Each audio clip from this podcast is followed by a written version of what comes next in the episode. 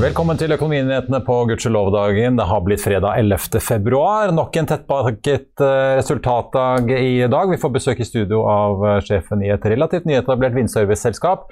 Trygve kommenterer markedet, og vi har pratet med ledelsen i Kongsberg Gruppen om både ståa i shipping, utbytter og en mulig børsnotering de har på gang. Vi får også teknisk analyse av oppdrettsaksjen SalMar. Men la oss begynne med å se litt på hovedtallene i markedet akkurat nå. Hovedindeksen startet ned 1 eh, tidligere i dag, men har hentet seg inn og nærmer seg nå null. Og dermed ligger vi, til, ligger vi, an til å få en oppgang samlet sett denne uken. Det er bl.a. Equinor som bidrar til å løfte hovedindeksen opp. Det samme gjør Pexip og Hexagon. Men som vi straks skal høre mer om fra Trygve, så bidrar Skipsted eh, sin blodrøde utvikling til å holde hovedindeksen litt nede. Det er solid rødt rundt oss i Europa etter en rød start i Asia i morges, og futuresene på Wall Street peker også mot en negativ start der borte. Trusselen om raskere renteøkninger tynger flere teknologiaksjer i dag, inkludert Nordic Semiconductor og Kahoot, som er ned 2-3% begge to.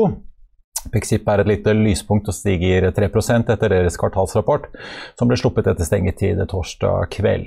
Hexagons datterselskap Hexagon Purus stiger kraftig 22% til over 22 kroner på en langsiktig intensjonsavtale med amerikanske Hino Motors for levering av batterifabrikker. Og så er det også sånn at da Hexagon Composites får seg også et løft i dag på over 7 Prosafe la frem kvartalstall fredag, og konsernsjefen i boligriksselskapet venter høyere aktivitet i år. Den aksjen er opp nesten 12 Salmon Evolution faller over 7% i kjølvannet av deres kvartalsrapport. Tidligere denne uken så omtalte vi jo hvordan analytiker Nils Thommessen i Fearnley mener det kommer enorme emisjoner i landbasert oppdrett. Han tror selskapene vil slite med høyere byggekostnader. Så har jo også da Aker Clean Hydrogen og elektroimportøren kommet med tall i dag, og de er begge ned mellom 4 og 5 Så får vi ta med at uh, gjenåpningen av samfunnet også ser ut til å ha spredd seg til treningssentrene. Sats er opp 2 i dag etter at de slapp sine tall. Konsernsjef Sondre Gravir melder om at de fikk 16 000 nye medlemmer i treningskjeden i fjerde kvartal, noe han beskriver som en betydelig sterkere vekst enn vanlig i årets eh, siste kvartal. Før vi går videre i sendingen, husk at du også kan se sendingene våre ved å gå inn på fano-tv, og at vi også har andre podkaster enn bare Økonominyhetene, som Morgenkaffen, Gründerpodkasten Veien hit, Ukens vintips, Kunstpraten og bilpodkasten Mil etter mil. De finner du ved å søke Finansavisen, der du hører på podkast. Da har jeg fått med meg Trygve i studio. Trygve, kanskje vi skal begynne med den store store nedturen i dag hos min gamle arbeidsgiver Skipsted, ned over 10 i dag. Hva er det som skjer hos eh, Kristin Skogelund og i VG-huset om dagen? Det er et veldig stort fall. og Selskapet er dagens klare taper. Eh, og Det er ikke noe vanskelig å forstå det heller. Fordi at Skipsted har vært i en sånn nedadgående kurve eller retning ja, over et halvt år. Og selskapet er jo ned 50 eh, Det er veldig mye for et stort norsk selskap, og det er et veldig godt selskap. Det driver med mange ting som vi også driver med her i lille Hegna Media. Eh, men de har falt og falt og falt, og det skyldes sannsynligvis litt dårlig lønnsomhet på avisene. Og så holder de sannsynligvis inntekten ganske god på rubrikksiden. Og da har de eh, Adevinta, som er selskapet som da blir skilt ut av Skipsted, det gjør det åpenbart ikke så veldig bra. fordi at det selskapet har også falt kursen, altså falt hele tiden. Og så faller da Skipsted sammen med Adevinta. Og så måtte de da Schibsted i regnskapet sitt for i fjor de måtte ta et tap på da det vinterkursen som har falt. Veldig enkelt, ikke vanskelig i det hele tatt, på 20 milliarder kroner. Hvis du da får et nedskrivning på 20 milliarder kroner på aksjer, aksjer, så ser det veldig stygt ut. Og regnskapet ser da helt fryktelig ut når man ser på bunnlinjen. Eh, men så kan man si da at liksom, eh, er det da alvorlig eller ikke alvorlig at man skriver av 20 milliarder kroner? Ja, det er alvorlig, men det er, det er ikke noe kontanteffekt. Ikke sant? Nei, det er papirpenger. papirpenger ja. Så det betyr ikke så mye. Men, men det er et signal om at de sliter. altså de sliter kanskje altså, De har opprettholdt altså, inntjening i og for seg, syns jeg. Det er ikke sikkert at ingenting har blitt borte, eller folk kjøper ingen tjenester lenger. for De kjøper ikke Dagbladet, nei, de kjøper ikke VG, de kjøper ikke Aftenposten, de kjøper ikke Bergens Tidende, Stavanger Aftenblad. De kjøper ikke noe annet. Sånn er det ikke. Altså, de har en rimelig ålreit vekst, ikke stor, eh, på, på topplinjen. Men så slår det da ut at folk er mistenkt, altså veldig mistenksomme om da man klarer å opprettholde denne rubrikkbusinessen, som er god i Norge. Ja, for Finn.no leverer jo veldig gode tall. Ja, ja, men Kristin Skoglund påpeker at uh, resultatet på driften er jo ned grunnet høye investeringer. Så de ja, det sier man jo alltid, da. Men, ja. De har sikkert investert en del også, men, men, men, de har gode marginer i Norge. De er flinke, og de sniker seg inn overalt. altså Finn.no er der overalt, og alle folk er der på alle områder. Så de gjør det bra. Og så er det svakere marginer andre steder. Ikke svakere vekst i og for seg, men svakere marginer. Og det trekker det ned. Men hovedtyngden i forklaringen ligger jo da at Adevinta er ned. Og at den har falt og falt og falt. Og det er da skummelt at et så stort eh, medieselskap da har en kursfall på 50% ja, det er merkelig. Altså, de driver jo, det, liksom, det er virksomheter fra dag til dag og uke til uke. Det er ikke en ny kontrakt eller liksom et kjempestort sak i Nordsjøen eller et eller annet sånt. Det er, det er liksom det daily business hamret inn steg for steg, og det er litt skummelt at man faller så mye pga. det. Men De fikk seg jo et veldig løft da de skilte ut den internasjonale ja, ja. virksomheten med Advinta, og de slo seg sammen med eBay, og det var jo plutselig voldsomme summer i norsk sammenheng som eh, Skogen Lund og ja, ja. Plutselig fikk til av dealer med amerikanerne. Ja, så det var jo mye hype? Mye hype, og derfor er, er liksom muligheten for fall også desto større. Eh, men jeg, hvis du hadde spurt meg liksom, ville Schibsted falle 50 det er, ikke, det er ikke det folk tenkte på det siste halvåret. Så folk er overrasket. og de, Sannsynligvis tar de det igjen og blir flinkere og selger mer. Og, hun er jo veldig flink, flink til å liksom, daglig drive de riktige tingene. Og så er de veldig flinke til å ta inn mennesker og selskaper og liksom dyrke det, få frem nye ting i den såkalte tech-sektoren, som er ned for tiden. ikke sant? Det er ikke det som er inn, men det kommer kanskje tilbake. Så de, de har masse flinke folk som er der. og ja, altså Jeg er ikke bekymret for Schibsted, men hadde jeg vært Schibsted-aksjonær, så hadde jeg vært temmelig sur nå. Ja mye penger som har gått ut. Eh, litt ellers i markedet, hva er det du ser eh, røre seg? Det har vært snakk om den amerikanske tiåringen? Ja, altså altså, hvis man fulgte USA i går, da hadde jo de fleste som er interessert i business og finans, så så man at markedene falt rundt 2% altså det, Hovedindeksen var ned 2% Det er veldig mye. Jeg er veldig eh, urolig når jeg ser at indeksen i Amerika faller 2 Uh, og Da kunne man for så vidt tenke seg at det smittet veldig til Norge. Det gjorde det ikke. Men det som er det skumle i USA, det er det at inflasjonen er så høy at alt det snakket som alle makroøkonomer, vi og andre, holder på, holder, gnår det på, da, inflasjon og renteøkning osv., det nærmer seg veldig fort. Den, den tiåringen som folk snakker om, den var over 2 det er, Jeg kan ikke huske når det var sist. Det er et klart signal om at rentene var på vei oppover, og at folk tar høyde for at inflasjonen skal bekjempes, bekjempes med renteøkninger fra Fed. Og Det er noe vi snakker om hver dag hele året. Inn og utpust har vi snakket om det, ja. men det er jo og folk kommenterer og skriver om det. vært lite drypp av sånne makrotall for ja. jo aksjemarkedet til å skjelve om dagen, virker det som. Ja, men nå tror jeg vi er der. Altså den uh, tiåringen over 2 og den høye inflasjonen, altså det må Fed gjøre noe med. Og så kan du si at renten vil sige oppover, men om det er nok til at liksom, det stopper opp, at veksten blir lavere, eller at, at liksom, folk ikke hyrer nok folk lenger, eller altså, man kan si at det er en brems, eller Eh, BNP liksom ikke vokser like mye som man har planlagt. Det, og det, vært, det, har vært problemer i arbeidsmarkedet i USA. Kanskje det ikke blir problemer lenger osv. Men vi er ved et vendepunkt. Altså Hvis rentene fortsetter å stige i USA, så slår de ut for da aksjer helt sikkert, altså ganske sikkert i hvert fall, så slår det ut for aksje, aksjemarkedet. Og aksjene vil da ikke få den veksten de kunne fått, eller vil begynne å falle. Og nå sitter jo investorene i hele Europa. Det var, Europa var også litt ned i dag, minus 1 stort sett, istedenfor minus 2 i USA. Men nå sitter folk og regner på det vi har snakket om i uker og altså måneder. Vil dette liksom nærme oss en eller annen topp? Er selskapene priset for høyt? Og vil da en kraftig renteøkning bremse i systemet? Vi er der nå. Det er grunn til å være litt bekymret. Ja. Så Orkla-sjefen på Dagsrevyen i går var ute og varslet prisøkninger, så ja, det, det, det sprer seg rundt. Ja, men Det er også et ganske morsomt poeng. for det at, altså, det at inflasjonen er så høy, det gjør det at folk liksom ser på kalkylene sine, og sånn, og så regner man på nytt. Så tenker man nei, nå, nå liksom har jeg dårligere margin, nå må jeg legge på 50 eller 3 kroner. Enten det er vaskepulver eller pizza eller hva det måtte være i Orkla-systemet. Og andre steder. at Folk må se på marginene sine, regne hardere. Og så øker de alle sammen prisene litt, og så kommer bøndene, så skal de ha litt påslag. ikke sant? Og så skal, så skal da butikkene ha kjedene osv. Vi ser at det er prisøkning overalt. Byggmaterialer 30-40-50 opp. ikke sant? Skal du bygge hus, mye dyrere. Alt er dyrere.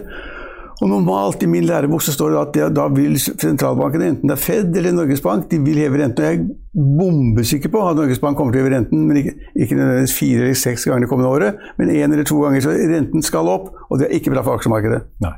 Det er for så vidt interessant å merke seg AP Møller Mærsk eh, containerfraktrederiet varslet at de tror at uh, denne situasjonen med høye rater og kaos kommer til å vare i hvert fall første halvår og begynne å ordne seg opp i andre halvår, så vi får se. Ja, de var veldig optimistiske, for de har jo, folk trenger flere skip da, som bare ligger og ikke kommer inn. Så, ja, de, så behovet for deres skip er store, og ratene er veldig høye, så at den delen av shippingen tjener bra. Mm. Før eh, dagens eh, gjest kommer inn, skal vi til en av de store selskapene som slapp eh, tall i dag. Forsvars- og teknologikonsernet Kongsberg Gruppen stiger rundt 0,4% etter at det blir klart at de vil skuffe 3,2 milliarder kroner over eierne i år i utbytter og tilbakekjøp. Det er en ny rekord med god margin, opp fra 1,8 milliarder i fjor. Men har de fått litt kalde føtter for børsnoteringen av teknologiselskapet sitt Kongsberg Digital? Bare se her. Finansdirektør Giri Skalberg Ingerød i Kongsberg Gruppen. Eh, dere har jo lenge snakket om eh, at dere pønsker på hva dere skal gjøre med Kongsberg eh, Digital. Dere har jo hyret inn det med Markets og Carnegie til å bistå dere.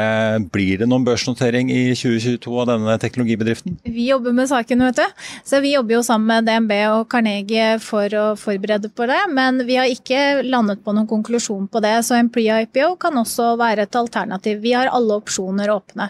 Men vi jobber jo veldig internt med å separere det fra Kongsberg Gruppen. Eh, nå er de over på en egen IT-plattform, eller alle ansatte er migrert over. Eh, så vi jobber hver eneste uke med å gjøre de mer og mer selvstendige. Du sa i dag at dere skal ha kapitalmarkedsdag i juni. Er det da vi får vite hva dere har tenkt å gjøre med denne vekstbedriften? Da hadde vi i hvert fall hatt noen gode nyheter akkurat da. Så vi har egentlig alle opsjoner åpne i forhold til hva vi gjør med selskapet. Eh, vi som følger markedet ser jo at mange grønne aksjer og vekstaksjer har slitt veldig, ikke bare i Norge, men også i det amerikanske aksjemarkedet. og Prisingen har endret seg ganske dramatisk for mange. Er det en faktor som gjør at dere sitter litt på gjerdet? Vi, vi, følger jo veldig med på markedet, selvfølgelig. Men så er det jo én ting med KDI, det er jo vi kunne jo liksom kastet det ut på Euronex Growth og hevet oss på den boomen, men det gjør vi jo ikke. Vi gjør jo mer når vi mener at selskapet er klart for det, eh, og, eller klart for andre alternativer. Det som er spennende med KDI nå på siste i fjerde kvartal, det er jo at nå har vi plutselig åtte tvillinger oppe. Vi ser at antall brukere eh, ekspanderer ganske kraftig, eh, og vi ser også at recurring revenue nå var oppe i 42% av totalen. Så egentlig alle de KPI-ene som vi sitter og ventet litt på, nå begynner det å løsne mer og mer. Så jeg tenker jo at eh, et selskap som det er litt kvalitet rundt, med en god eier selvfølgelig, eh, det har et mye større verdi for en notering da, enn å bare liksom tenke at nå er det en boom der ute. Men det er klart vi følger med på markedet, og vi har jo også sett at det er litt trangere kår for eh, tekstselskaper akkurat nå. Eh, hvis man ganger opp eh, den inntekten de hadde i fjerde kvartal, så ender man på 916 eh, millioner. Dere har jo et mål da, på 2,8 milliarder i 2025, som dere tok litt ned fra det første målet deres på 3 milliarder. Men hvordan skal dere komme dit? Det er jo nesten tregangeren på tre år. Og Det handler jo om å connecte flere tvillinger, få de opp. Antall brukere, nå så du vi hadde 1700 brukere på det. Eh, utvikle applikasjoner, det er vi i god ferd med å gjøre. Og også connecte antall båter og skip på Vessel Inside. Så det går på alle de her SAS-KPI-ene som gjør at når det først begynner å spinne, så går det veldig raskt. Vi må snakke litt om utbytte. 3,2 milliarder skal sendes til aksjonærene hvis man regner med tilbakekjøp av aksjer på 500 millioner. Eh, ny rekord. Eh, hva er det som gjør dette tidligere? Har dere jo kommet opp i milliardsummer eh, f.eks. da dere solgte unna Hydroid i USA. Nå har det jo ikke vært noe store salg som gir penger i kassen, likevel et veldig stort utbytte. Jeg pleier å si at det lønner seg å være aksjonær i selskaper som tjener gode penger. Eh, og nå i løpet av 2021 så har vi jo hatt veldig bra underliggende drift. Vi har hatt en veldig god eh, prosjektmiks, eh, gode marginer, har klart å effektivisere driften og har virkelig levert resultater løpende. Så det er egentlig litt av underliggende årsak til at vi nå I tillegg en veldig god cash conversion. Vi har jobbet veldig med arbeidskapital nå siste året. Men det at eh, det vanlige utbyttet ligger på 3 kroner og 30 opp en 30 øre, mens det ekstraordinære eh, utbyttet er på 12 kroner, en veldig forskjell. Hvorfor ikke bare øke det ordinære utbyttet litt eh, mer? Jo, vi, vi, nærmer oss. Vi har jo en policy en, eh, på gjeld opp mot EBTA, eh, og vi prøver å nærme oss den gradvis. Og det er klart at eh, vi tar mer og mer år for år, men vi kommer til å ligge ganske fast på den normale utbyttedividenden vår. Og litt av årsaken til det er jo at vi ønsker jo å sette pengene i arbeid og finne investeringsmuligheter. Nå, offshore vind er jo et veldig interessant marked, samtidig som Kongsberg Digital nå har vært veldig interessant. Og vi ser også på forsvarssiden nå at den drar av gårde veldig. Så det er veldig mange interessante muligheter. Så vi må hele tiden avveie litt, men prøver å øke dette her år for år. Da. Ja, for altså Driften deres genererte jo nesten 5 milliarder kroner eh, i året som har gått. Eh, drøye tre av de går altså ut i utbytte. Er det da, ja, Trenger du nesten to milliarder til investeringer, eller sitter det litt eh, og holder igjen litt for å se hvordan markedet nå utvikler seg? Det man må tenke på er at eh, ca. 2,5 milliard av det vi har i cash, er også milepælsbetalinger på de store forsvarskontraktene og noen av de maritime kontraktene vi har. Sånn at mye av det som er betalt inn, det kommer gjerne på slutten av året i fjerde kvartal, det har du sett historisk. Så skal det nå brukes til å levere utover året. Så det er ikke bare vår cash, det er litt eh, lånt cash fra kundene også som ligger i det. Vi skal høre mer fra Kongsberg Gruppen om litt, men nå skal vi til dagens uh, gjest. Han har jobbet innen finans i en årrekke, både som olje- og energianalytiker og som forvalter, men i fjor hoppet han over til et helt nytt børsnotert selskap som er etablert innen den voksne havvindserviceindustrien her i landet. Velkommen til oss, Lars Henrik Røren i Integrated Wind Solutions.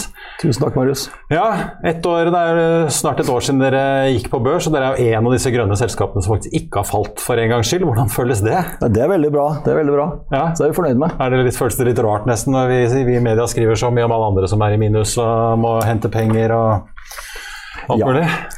Jeg kan ikke ha så mye fokus på akkurat på børsen, men kan, jeg tror at eh, aksjebørsen kommer over tid hvis vi gjør den jobben vi skal gjøre. Gikk jo på børs i fjor i, ja. på, på, 40 kroner, så har det ligget uh, et par kroner under det nå i det siste. Så slapp dere tallet i dag. Uh, men fortell litt, hvem, hvem, er dere egentlig? Det er jo uh, A. Wilhelmsen hva som gjør dere? Hva gjør dere innenfor denne havvindindustrien? Det er jo A. Wilhelmsen som er største aksjonær som, ja. som står i ryggen. De etablerte selskapet. Ja, I 2020. I, ja, og så, sånn sett så reduserte de sin eierandel i forbindelse med børsnoteringen vår i 26.3 i fjor og har nå ca. 28-28,5 ja. eierskap. For du hentet, eller Dere hentet 700 millioner? Vi hentet 704 millioner kroner. Og det har dere brukt til?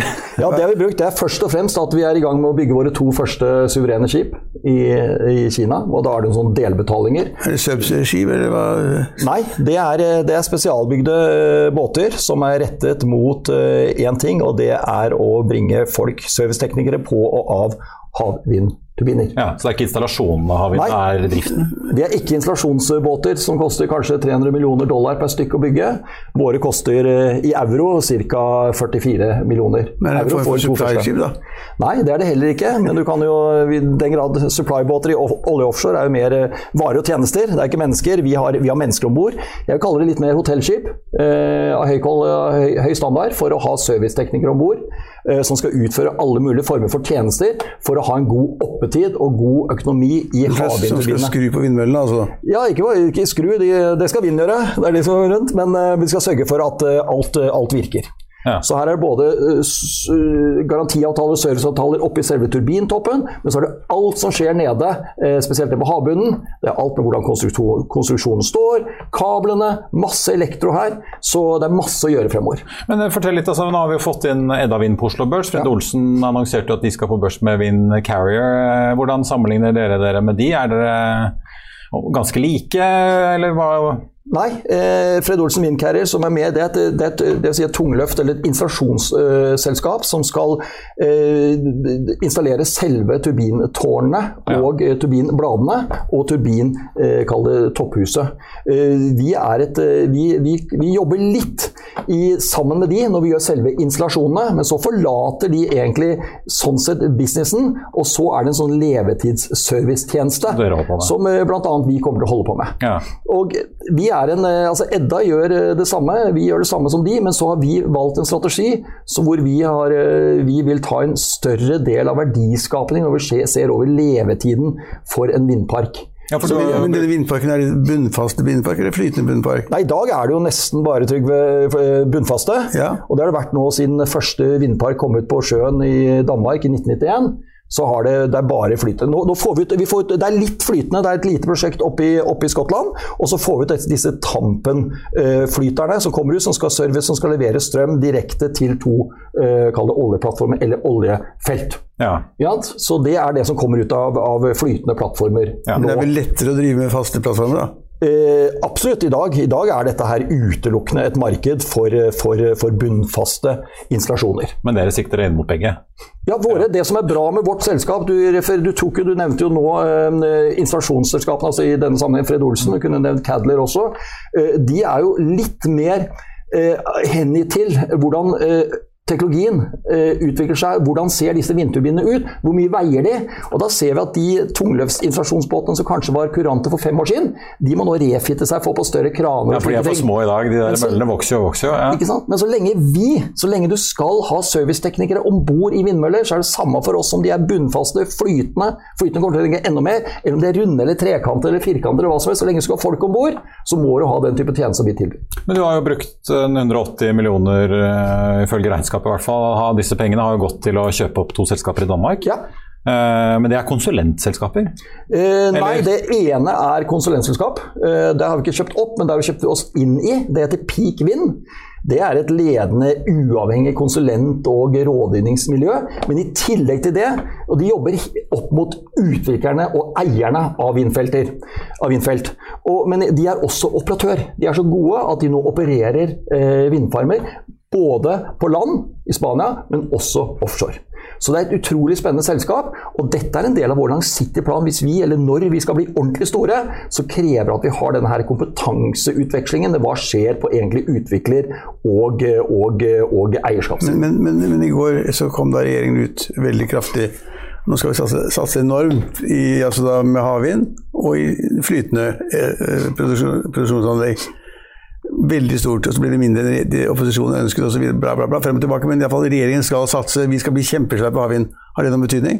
Ja, øh, jeg syns ikke det var så ambisiøst. Det de kom Nei, det kommer halvparten av det folk ønsket, men de kom iallfall med et stort program, da. Ja, de kom med et stort program. Øh, dog litt uklarhet rundt hvordan, hvordan lisenstildeling skal skje. Skal det være, hva blir det nasjonalt innholdskrav? Blir det auksjon og slike ting? Først og fremst er dette her en jeg må tillate meg å bruke en ganske litt sånn fislete ambisjon når vi ser på installert kapasitet. For de snakker om i det feltet som er bunnfast, som heter Sørlige Nordsjø 2. Der snakker de om 1,5 gigawatt. I fase 1, ja. I fase 1. Ja, men for å sette litt i perspektiv, at bare den ene fasen av det ene feltet som bygges utenfor UK nå, som heter Doggerbank, mm. den ene fasen der, fase A, det er 1,2 gigawatt. Og det holder på nå, og det vil skje over de neste Men Tror du Norge kommer i gang om, i løpet av ti år? Ja, ja, vi må i gang. Altså, ja, Norge... Tror du vi kommer til å klare det? Det kan jo bli opposisjon og får ikke til. Og de, tallene blir dårlige, og det er negativt, og de taper penger. Og så kan, kan det bli bare surra bort hele greia? Nei, aktørene vil, men dette her er lange eh, pengestrømmer. Det krever forutsigbarhet. Norge var utrolig flinke i mange tiår med å ha forutsigbarhet innenfor olje og gass.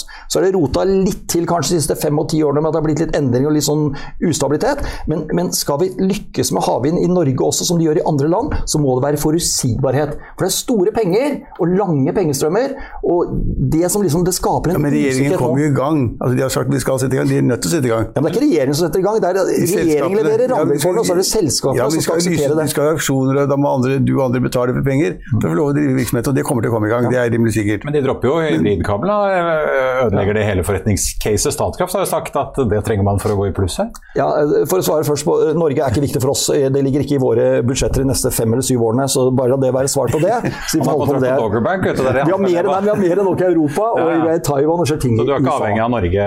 Overhodet ikke, nei. men jeg håper på Norge hvis vi skal bygge industrielle clustere rundt dette her, for vi har så mye kompetanse. Ja, ja, så, så er det viktig. De trenger også da noen jobber og noe forutsigbarhet. Men jeg skjønte ikke, de, de kjenner ikke de selskapene så godt. Altså, du, hadde ikke, du har ikke supply-skip og det er ikke subsea-skip, men det er for busser eller transportskip frem og tilbake til Kall det hotellbåter som klarer seg bra i vær og vind. Hvor mange har dere av de? Nei, Vi har bestilt to nå. Det har ingen? Nei, vi har ingen. Vi starta med i fjor, Trygve. Ja, ja, men jeg bare spør. Så har du opsjon på fire til, er det det? Vi har opsjon på fire til, og så er ikke det noe endelig mål. Det er bare det vi har opsjon mot dette verftet vårt nå. Og Hva koster et sånt skip? Det koster på våre to første, det er en veldig god pris. De fikk vi litt på tilbud. Og, så de har vi en verftspris all in på 44 millioner euro. Så kall det 440 millioner kroner. Dele på to for hvert skip? Nei, det er hvert skip. Per stykk. Per stykk. 400 per skip, ok. 450 millioner nok. Skal du bygge det i Norge, så koster det 600 millioner kroner. Ja, så du, ja, du må til Kina? Ja, vi valgte Kina. Ja. og det er ikke fordi disse er jo bygd for flere norske redere. Og vår site-manager der, han henta vi tilbake igjen. Han har vært på akkurat det verftet før og ville gjerne ut igjen noen år igjen. Så det regnes som et veldig godt verft. Så hvem er oppdragsgiverne for dere? Så du kjøper tjenestene deres som du inngår kontrakt med, er det Vår første kontrakt har vi mot det jeg kaller verdens sterkeste vindkonsortium i dag. Det er SSE, det er Equinor og det er Eni som er eierne av Doggerbank, som er verdens største havvindpark under utbygging nå. Så, så, de, er, så de er oppdragsgiverne? De er oppdragsgiver for vår første båt. Mm. Og Hvor mye tjener du på den i året? Nei, Den kommer til å få, den kan si har en, det kommer til å gå, Vi får ikke si nøyaktig hva raten har, men jeg vil heller si at en, vi har ikke solgt oss inn på rate. Det er en, det er en, det er en god rate. Men si litt, litt, nord av, litt nord av 30 000 euro dagen. Da skal jeg ikke si noe gærent. Fra 2023? Fra altså neste år, er det ikke det? annet kvartal mm. 2023. Vi skal ha den klar. 300 000 kroner dagen, altså? Vi skal, ja, og så Det er, det er sånn. Jeg kan ikke være helt presis. Altså, bare så man forstår litt, ja. de, som kan litt av shipping, det er mange av våre seere kan jo litt shipping. Så er det driftskostnader på ca. rundt 10 000 euro, altså rundt 100 000 kroner om dagen. Margin på 200 imellom? Margin på rundt en 20 000 euro. Ja, men 20 000 euro, det blir, det blir jo 200 000 kroner. Ja. Det klarer vi å regne ut. Også, også våre seere. 10,07 Ja. Men jeg lurer på da, nå har jo ikke dere da lagt noen forventning om å få noe i Norge på, på flere år, men det at de da dropper disse hybridkablene, Ja. da får de jo ikke solgt kraften ut til eh, høyere priser i Europa som mange kanskje hadde håpet på. Nei, Tror du det gjør at eh, flere av disse som har vurdert Norge, vil eh, tenke seg om på nytt? Ja, men det gjør, noe med, det gjør noe med økonomien eller forventet økonomi i et prosjekt når du fjerner noe opsjonalitet da, for de som har altså, valgmuligheter, for de som skal eh, investere i dette her, og skal planlegge for en, en pengestrøm over lang lang tid, så vil man jo gjerne ha eh, mest mulig tilgangspunkter til et marked. Det er jo Altså, å kunne regne inn tysk kraftpris istedenfor norsk. Ja, men eh, ikke sant? Så når, når du begrenser dette her, du begrenser muligheten for å, for å nå et marked, da vil det også gjøre noe med risikoen eller økonomien, eller forventet økonomien med et prosjekt. Så det man gjør da, at man høyst sannsynlig gjør det litt mindre attraktivt, og, eh, og, og for disse prosjektene, altså Sørlige Nordsjø 2 f.eks. Og da betyr det at du kanskje også må inn med Du må skattemotivere det litt mer, så da må staten gi noe. Eller du må gi subsidier direkte. Så Det er konsekvensen av en sånn beslutning. Subsidiene kommer. Ja, de kommer jo helt sikkert. Altså, Ja, ja. Det er jo, altså, Senterpartiet kommer ikke til å snu. De snur veldig sjelden, og de er veldig sta. Og Senterpartiet vil ikke ha den der hybridkabelen, det er helt sikkert. Og Da vil jeg bare si Scotwind, nå som ble lagt ut med 17 lisenser, svære lisenser. Nesten 25 gigawatt. Det må vi holde opp på. de halvannen vi snakker om i Norge. Det sier litt om forskjellen her. Men, men, men, er regjeringen Det har, er regjeringen har bestemt seg, den vil ikke ha hybridkablene. Senterpartiet vil ikke ha det. Så sånn blir det de kommende årene. Nei, iallfall på det første nå, Trygve. På de 1,5 så har jeg sagt det, men så sier jo da Gahr Støre her at eh, de skal, de skal utrede mer. Men her tror jeg det er noe sånn Her er det indre familiekonflikt Ja, ja, i regjeringen her. Så Så, så, så det var en liten sånn tankevekker, da, at regjeringen ikke gjør det de egentlig sa de burde gjøre. Og selskapene sa vi må ha hybridkabler for å selge det til Tyskland eller Nederland, hvor det måtte være. Det gir økonomi, det gir, gir økonomi i prosjektet. Ikke det, så blir det dårlig. Det er det Marius også var inne på nå. Så, så starten er litt dårlig. Men det betyr ikke noe for ditt selskap. Eh, Overhodet ikke. Overhodet ikke. Jeg skulle gjerne bare sett at vi fikk en sterkere, eh, sterkere næringsbygging rundt dette her. Og jeg har liksom vært fortaler for la oss, Nå har vi hatt Petoro eh, lenge, altså Petoro og gull, altså, og, men hvorfor ikke et Vindoro? Få noe ordentlig statlig engasjement her, sånn, som skaper med stat som stor eier, legge ut store lisenser. La oss komme i gang. Norge er i ferd med å marginalisere seg. Og Du har Norge som, altså, AS Norge som eier også i disse vindprosjektene. Ja, men Trygve, vi, vi har jo altså Petoro. Det er ikke mange som kjenner til verdens mest lønnsomme oljeskap per ansatt. Det er 70 mennesker borte på vestkysten som sitter og har et selskap som produserer 1 million fat oljeekvivalenter om dagen. Det, er jo et, hvorfor, det, det har vært substansielt viktig, dette gamle SDØE. Eh, Substansielt viktig for utvikling av norsk olje og gass. Hvorfor kan vi ikke ha det innenfor, samme- innenfor havvind? Kalle Vindoro. Finansiering kunne være noe av pengestrømmen som kommer inn i Petoro nå hvert år, over i Vindoro. Og så var staten 25-30 eier i de store feltene i starten. Ta fra oljefondet. Hvorfor ikke? Ja, Ta fra oljefondet, da. Ja, men Hvem har sagt at dette grønne skiftet ikke vil koste at staten må bidra? Altså, det er jo, Dette er bra. Her sitter de sånn nesten skipsredd og skriker på statens inntreden og hjelp og sånn. Men jeg mener det positivt, men la oss ha litt visjoner og bli litt store i Norge. Vi har vært flinke på olje og gass. Jeg er redd for at det er litt sånn hvilepute av den enorme pengestrømmen som kommer der. liksom sånn At vi sleper beina etter oss. Jeg Nå, det. nå har du da to skip under bygging, fire, opsjon på fire. Dere skriver jo i kvartalsrapporten i dag at dere er i dialog med verftet om å øke bestilling her. Men hvor mye vekst ser dere for dere, gitt at det ikke blir så mye fres i Norge, hvor mye vekst ser dere for dere i denne flåten eh, for selskapet basert på hva som skjer rundt i Europa, i Skottland og andre land? Ja, vi starter jo, Nå kommer Skottland litt senere, også noen år fram i tid, men vi ser først skal man få til det grønne skiftet, så ser vi at havvind må være en substansiell del av det. Og eh, Da blir det egentlig bare å, å gange opp. Skal, det lønne, skal dette skiftet lykkes, og du skal egentlig erstatte både det som produseres i kraftsektoren fra, olje, nei, fra gass og kull, men også ta i transportsektoren, det som er bensin og, og diesel, så er det et enormt løft. Og da, Hvis havvind skal være så hvis det er noe meningsfullt, så snakker vi jo flere hundre gigawatt som skal ut. Eh, Og For å sette det i perspektiv, så kan vi si at verden har nå over 30 år eh, fått installert 35 gigawatt globalt. Og nå sier jeg altså at vi bare i Europa så trenger vi flere hundre gigawatt for å klare Men- men- havvinds andel av det grønne skiftet. Men du så hvordan det gikk med eh, landbasert havvind i Norge?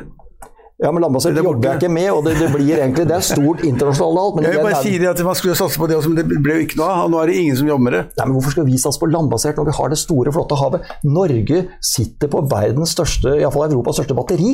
Når vi ser på de havområdene vi har, og den kraften som er i vinden der ute. Så jeg, jeg har så Og lyst til å plass. Jo, men, det, men, men Poenget er at det høres veldig flott ut, men det, det vi som da bare Flott, ser er på, det, vi som ser på det og følger med, vi har jo fått det klare inntrykket fra de selskapene som er interessert, i at det er kjempevanskelig å tjene penger på havvind.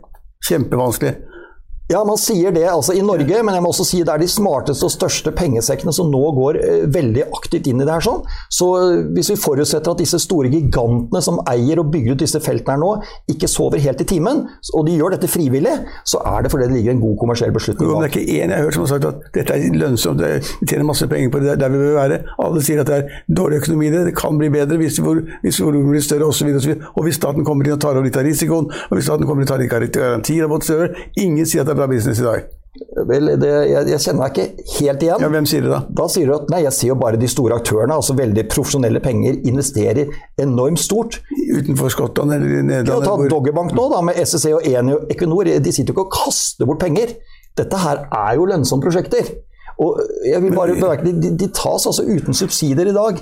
Men Ja. vi skal ikke eie vindmøller, Trygve. Nei, jeg vi skjønner. Dere, bare ja, for dere selger dere inn på service. Så- Vi er service, og så lenge disse turbinene Jeg skjønte at du var en buss frem og tilbake ut i, ut i den greia. Ja, Det er de gamle CTV-ene. De som gikk frem og tilbake på dagbasis, de var busser. Nå er det hotellbåter der ute. Ja, jeg tar- ja. Du Lars Henrik Du, vet, du vet hvordan det gikk med Prosafe? Kjempepopulært noen år, og nå har det vært konk nesten i flere år. Det var ikke de skyld, det var rigger. Jo, men det er vanskelig å bo i. Det det- Ja, ikke sant? Lars Henrik Røren i VS, takk for at uh, du kom og fortalte om uh, selskapet ditt. Så kan vi følge med. Når tror du at du må bestemme deg om du bestiller flere skip? Jeg kan ikke si mer enn står i meldingen i dag, men Nei. klart det, det som står der, at det, er, det skjer, det, det er noe vi tenker på. Hva er akkurat nå. Marius? Hva? Hva er? Ja, var? Underkant av 700 millioner Ja, det kroner. noe 600 og et Det er et bitte lite selskap, altså. Hva? Lite, men ikke Vi må jo følge med på hva som rører seg på børsen. Ja, ja, Alle starter små, det er bare hvor fort man blir stor. Vi vet jo det. Takk skal dere ha, og uh, god helg.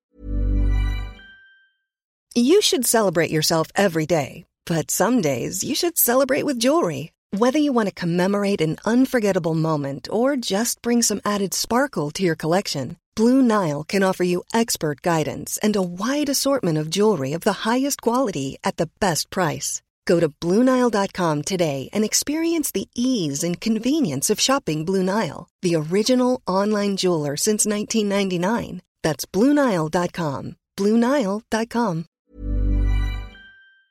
I'll see you in court. Vi sier det ofte litt på spøk, men for deg som driver business, er det aldri moro å innse at du ikke har laget en 100% gyldig kontrakt. Du bør ikke risikere hele firmaet ditt fordi du synes dette med kontrakter er litt stress. En avtale er ikke en avtale.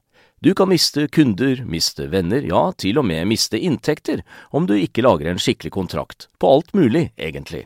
Men vi vet det er et styr. Kopimaskiner, tregprinter og haugevis av papir. Dessuten stoler vi jo på folk her i landet.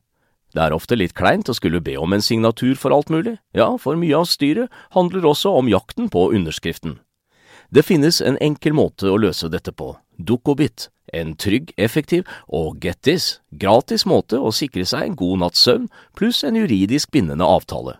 Dukkobit-appen har de strengeste sikkerhetskrav i bunn, samt en EU-godkjent og sertifisert teknologi. Framover vil det bli behagelig å spørre du, skal vi skrive under på det, eller? Kom i gang på dukkobit.no. Da skal vi tilbake til Kongsberg Gruppen. Konsernet som er en stor leverandør innen både forsvar og maritim over hele verden, har en veldig tett innsikt i hva som rører seg i shipping, og konsernsjef Geir Håøy ser nå tegn til at det blir mindre kontraheringer av nye skip i år enn i fjor, bl.a. fordi prisene på stål og andre innsatsfaktorer er gått opp. Konsernsjef Geir Håe i Kongsberg Gruppen, nå har dere levert resultatene for fjerde kvartal. Nesten 12,5 milliarder i nye ordre i en ordrebok som begynner å nærme seg 50 milliarder kroner. Vi ser jo fra hovedtallene at det tikker oppover både inntekter og resultat. Men fortell litt om de ulike virksomhetene. Dere har jo både innen forsvar og maritim. Går det like bra overalt, eller er det noen som henger litt etter?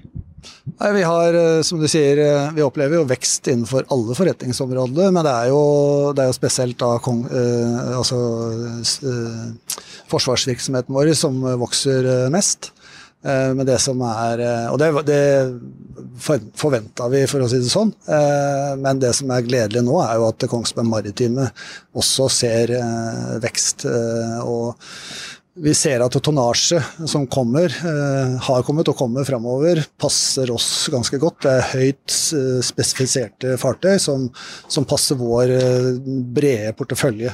Så det er veldig gledelig. Og så ser vi også at Kongsberg Digital fortsetter å ta posisjoner, og skulle gjerne sett at spesielt innenfor Wessel Insight at ting ble rullet ut raskere, men det er igjen Det har jo vært vi har lagt bak oss noen krevende år innenfor shipping eh, generelt. Og offshoreflåten har jo eh, ligget eh, stille. Mye av offshoreflåten har ligget stille, men vi ser jo at aktiviteten tar, tar seg opp nå.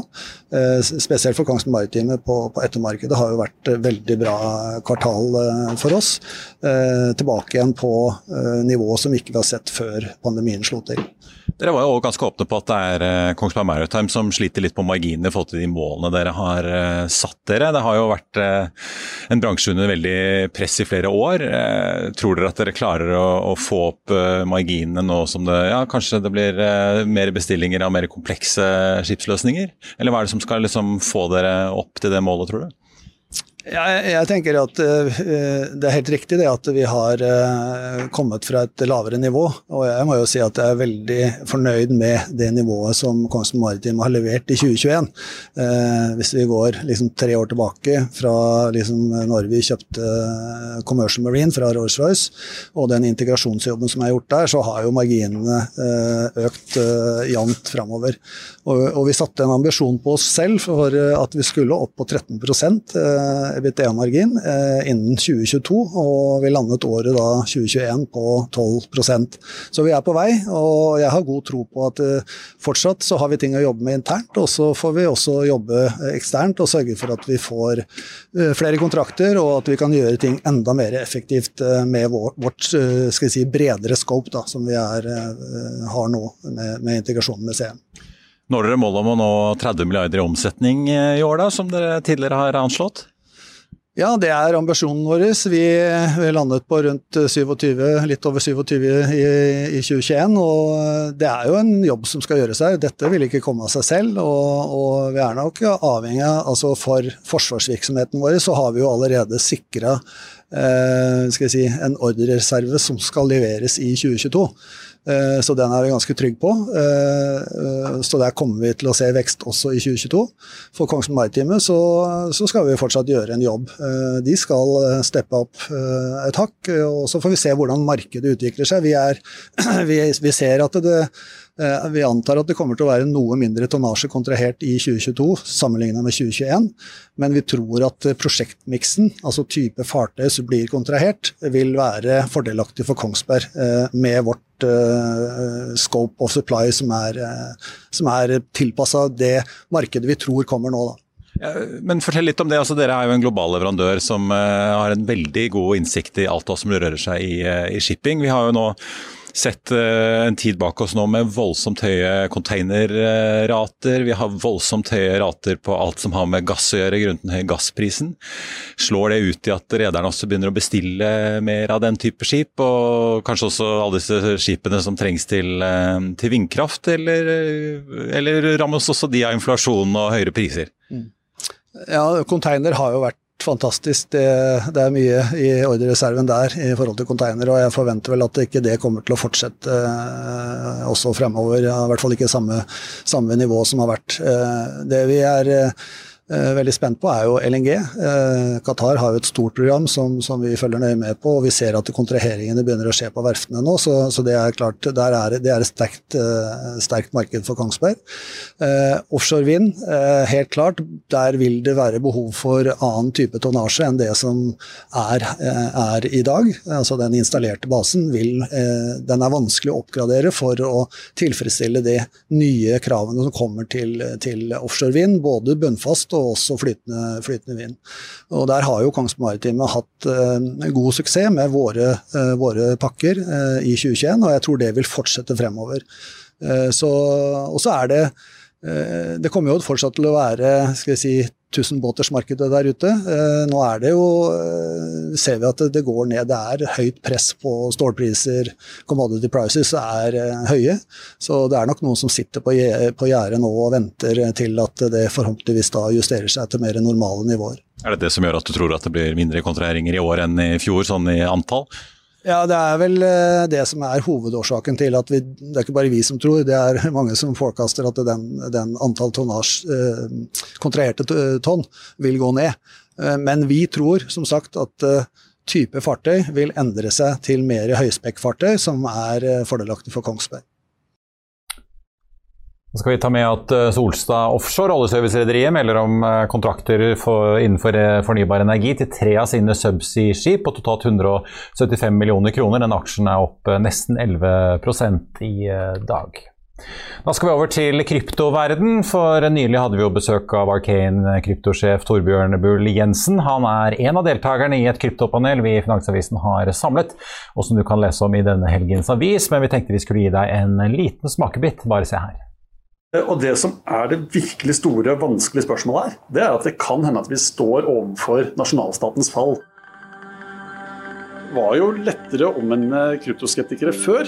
Eh, Tom Stove i Finans Norge er jo en av de, ikke alene, da, men en av de som var veldig skeptiske, eh, og som jeg havnet i diskusjon med tidlig, og som jeg må nå si har i hvert fall åpnet mer for deg. Uh, bitcoin har vært inne i en eller annen tumbler hvor bitcoin og alt har bare rast rundt i et voldsomt tempo. Og nå sitter jeg med 100 millioner kroner. Uh, og det har jeg vært hos Kaupang og veksla tilbake til norske kroner. Så kjære bank, vær så god, her er pengene. Og så sitter det da uh, noen som styrer et ekstremt gjennomregulert regime knyttet til anti-hvitvasking, som jo er designet og laget ikke basert på kryptoverden, men basert på den ordinære finansielle infrastrukturen. Mange av de som er hardbakka skeptikere i dag, eh, begynner å bli litt sånn giftet seg med ideen. De fornekter at det har noe for seg. Eh, og man ser jo at det har skiftet hva de bruker som argument. Først så var det litt sånn at det var så smått og så sært, så de lo det bort. Eh, så var det liksom bare penger for de kriminelle. Så var det jo en boble som skulle til null. Men nå har denne boblen kommet tilbake. Eh, så den siste skansen, eller den siste krykken om du vil der, har jo vært miljøargumentet. At det bruker for mye strøm. Eh, og at man dermed sier at det derfor kan det ikke eksistere. Eh, og derfor er det liksom, prøver man å bruke det som grunnen, da. Men det er noen sånne som bare ikke vil la seg vende, og de er, de er vanskelige. Det spennende er jo å se at de aller fleste er blitt mye mer nysgjerrige og har kommet mye mer opp læringskurven og fått med seg at her skjer det mye. De er ikke blitt eksperter, men de tar det mye mer på alvor. Da. Så det har vært et stort skift i den allmenne oppfatningen. Det ene er at jeg synes å sense en slags uenighet innad i kryptoverden mellom uh, det jeg kaller bitcoin-maksimalister og uh, alle de andre. Bitcoin, og det er jo få av de som har fulgt meg før som vil bli overrasket over det jeg vil si bitcoin. Eh, men det handler om at det er det prosjektet som har vært her lengst, bevist overlevelse over tid, og som hele veien har vært det klart største prosjektet. Hvis man ser på handelsvolumer og verdi, så er bitcoin alene nesten like stort som resten av markedet. Det svinger litt, men det er liksom nesten halvparten av bitcoin. Så jeg personlig tror jo at eh, bitcoin kommer til å være der sånn som Torbjørn sier om ti år også. Eh, men eh, på veien dit så kommer den til å også være i overskuelig fremtid ekstremt volatil. Det er ikke at det er en rak vei oppover. Det, det er jeg også helt sikker på. Eter og Ethereum-plattformen er en veldig god nummer to. Også vært der ganske lenge. Bevist en overlevelse over tid. Og det bygges ekstremt mye spennende på Ethereum-nettverket. Ellers så er det jo da en lang liste med mange andre prosjekter, eh, som det selvfølgelig bare er å lese om og lurt å prøve å sette seg inn i. Men man skal være veldig varsom, fordi mange av disse vil presentere narrativ som eh, fenger, som høres overbevisende ut, men som ofte ikke helt er realiteten under panseret. Vi så det når nå Facebook til slutt ga opp sitt kryptoprosjekt. Det ble jo pitchet som eh, det skulle være helt fantastisk å komme i løpet av et halvår.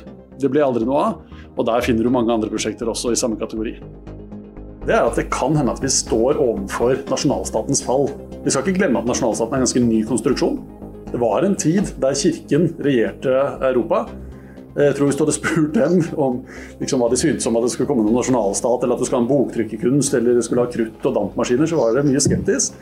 Men si, de teknologiske gjennombruddene endret uh, hele dynamikken i samfunnet, som endret hvilke institusjoner som var konsistente med hvordan samfunnet fungerte.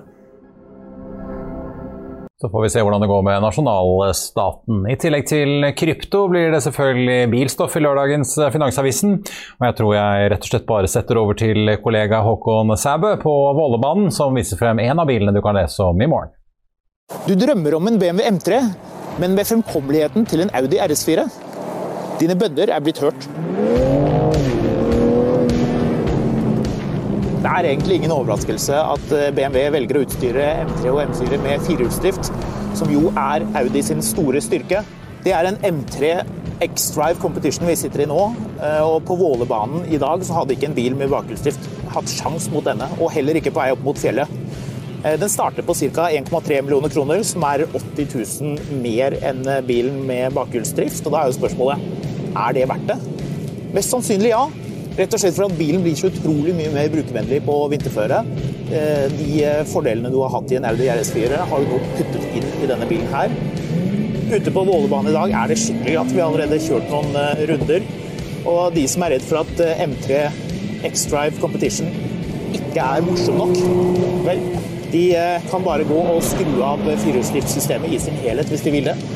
Da spinner bilen bare på bakhjulene, og de har til og med lagt inn et eget program så du kan følge med på hvor gode drifter du legger igjen.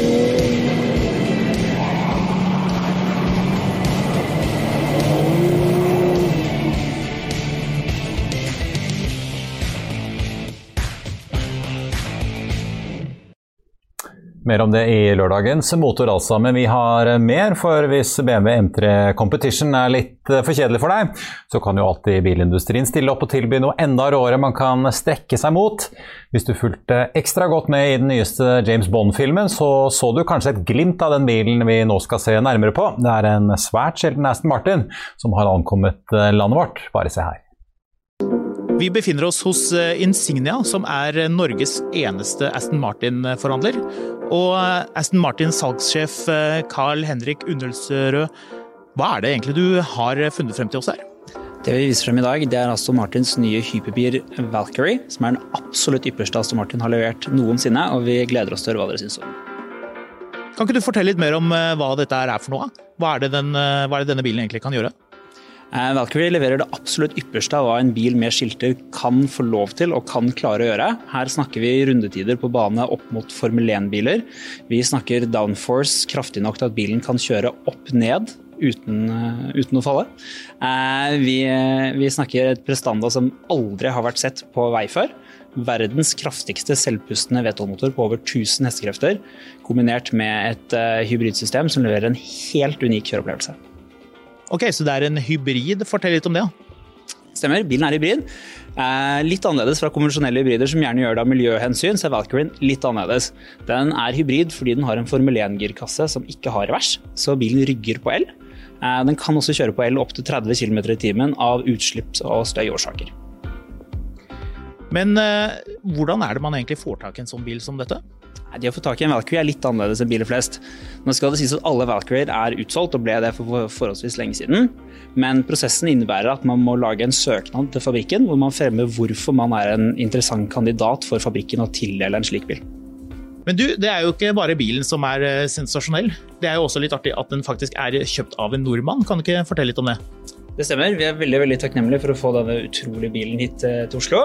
Eh, og vi setter veldig pris på tilliten fra, fra vår kunde, teknologientreprenør eh, Fredrik Halvorsen, som har vært tøff nok til å bestemme seg for en slik bil, og også ta den med til Oslo. Hvordan kom det til at han eh, kjøpte den bilen? Var det bare at han spaserte inn og sa 'jeg tar den', eller eh, hvordan var det det egentlig skjedde? Nei, dette er en kunde som, eh, som en kollega av meg har et godt lengre forhold til, og, og som har nevnt interessen for denne bilen tidlig. Den ble faktisk bestilt for fem år siden, så det er en prosess som, som tar lang tid. Både utviklingen av bilen, men også valg av spesifikasjoner og farger og, og materialer. Du nevnte jo dette med Formel 1. Hvordan sammenlignes denne bilen egentlig med en Formel 1-bil? Altså på mange måter så kan man si at dette her er en Formel 1-bil tilpasset veibruk. Eh, under skallet så vil man kjenne igjen konstruksjonen. Eh, bilen er i hovedsak designet av en designer som heter Adrian Newey, som er en av Formel 1-bransjens mest kjente designere. Eh, og er også da en av grunnene til at den oppnår disse fantastiske rundetidene. Det koster litt, grann, dette her. Hva, hva vil noe sånt noe ligge på hvis man eh, tar den ut på norske skilter? Ja, Dessverre så er det jo slik at med såpass eh, fantastisk ingeniørarbeid og, og flotte materialer og håndarbeidet det er snakk om her, så blir det også noe penger involvert. Så bilen på norske skilt har en veiledende pris på 33,5 millioner kroner. Og hvis eh, noen ser dette og tenker eh, ja, jeg tar en likevel, hvordan går man frem da? Dessverre ble alle solgt i løpet av noen få dager. For hvor lenge siden? Ca. fem år siden.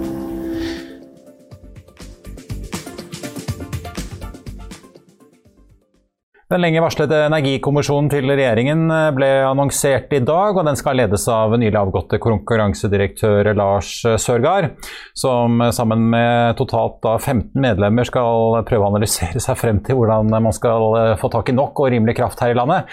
De har fått frist av eh, departementet til 15.12. på å komme frem med sin analyse. Skal vi ta en titt på Oslo Børs akkurat nå? Akkurat gått i pluss ligger opp 0,01% til 1206 poeng. Det er bl.a. oppgangen i Equinor på 1,6% og Yara på 2,1 i dag som bidrar til oppturen. Hovedveksten får også hjelp av oljeselskapet Aker BP, som er opp 1 i dag, etter et eh, kraftig fall på over 4 i går, da selskapet slapp sine kvartalstall. Ellers er DNB opp 0,4 eh, i dag, etter at vi også da falt en prosent på sin kvartalsrapport i går. Ser vi på noen av de selskapene som har kommet med tall i dag, så er Kongsberg Gruppen opp 0,7% Integrated Wind Solutions, som vi akkurat hadde besøk av, ned 2,8% akkurat nå. Sats er oppe 2,4% og så er jo da den store taperen i dag, i hvert fall blant de store selskapene, Skipsted. Aksjen er ned 10,6% mens B-aksjen har hentet seg noe inn, men er fortsatt ned nesten 9 Ellers så er det Hexagon Purus som er den store vinneren i dag på da kontraktsnytt. Aksjen er opp nesten 29 eh, akkurat eh, nå. I Finansavisen i morgen kan du selvfølgelig i tillegg til å lese masse bilstoff, også få masse helgestoff. Du får Trygve, Trygve Hegnars leder om havvind, som blir et tapsluk. Senterpartiet og en bananplantasje i Tyssedal. Du kan lese om sjeføkonom Kjetil Olsen i Nordea, som tror en lønnsvekst her i landet på over 4% er mulig. Og du kan lese om ukens aksje, Strongpoint. Det var det vi hadde for deg på den fredagen. Tusen takk for at du så på. Mitt navn er Marius Lorentzen, og vi er tilbake her i Økonominyhetene på mandag klokken 14.30. I mellomtiden ønsker alle vi her i FA deg en riktig god helg. Takk for nå.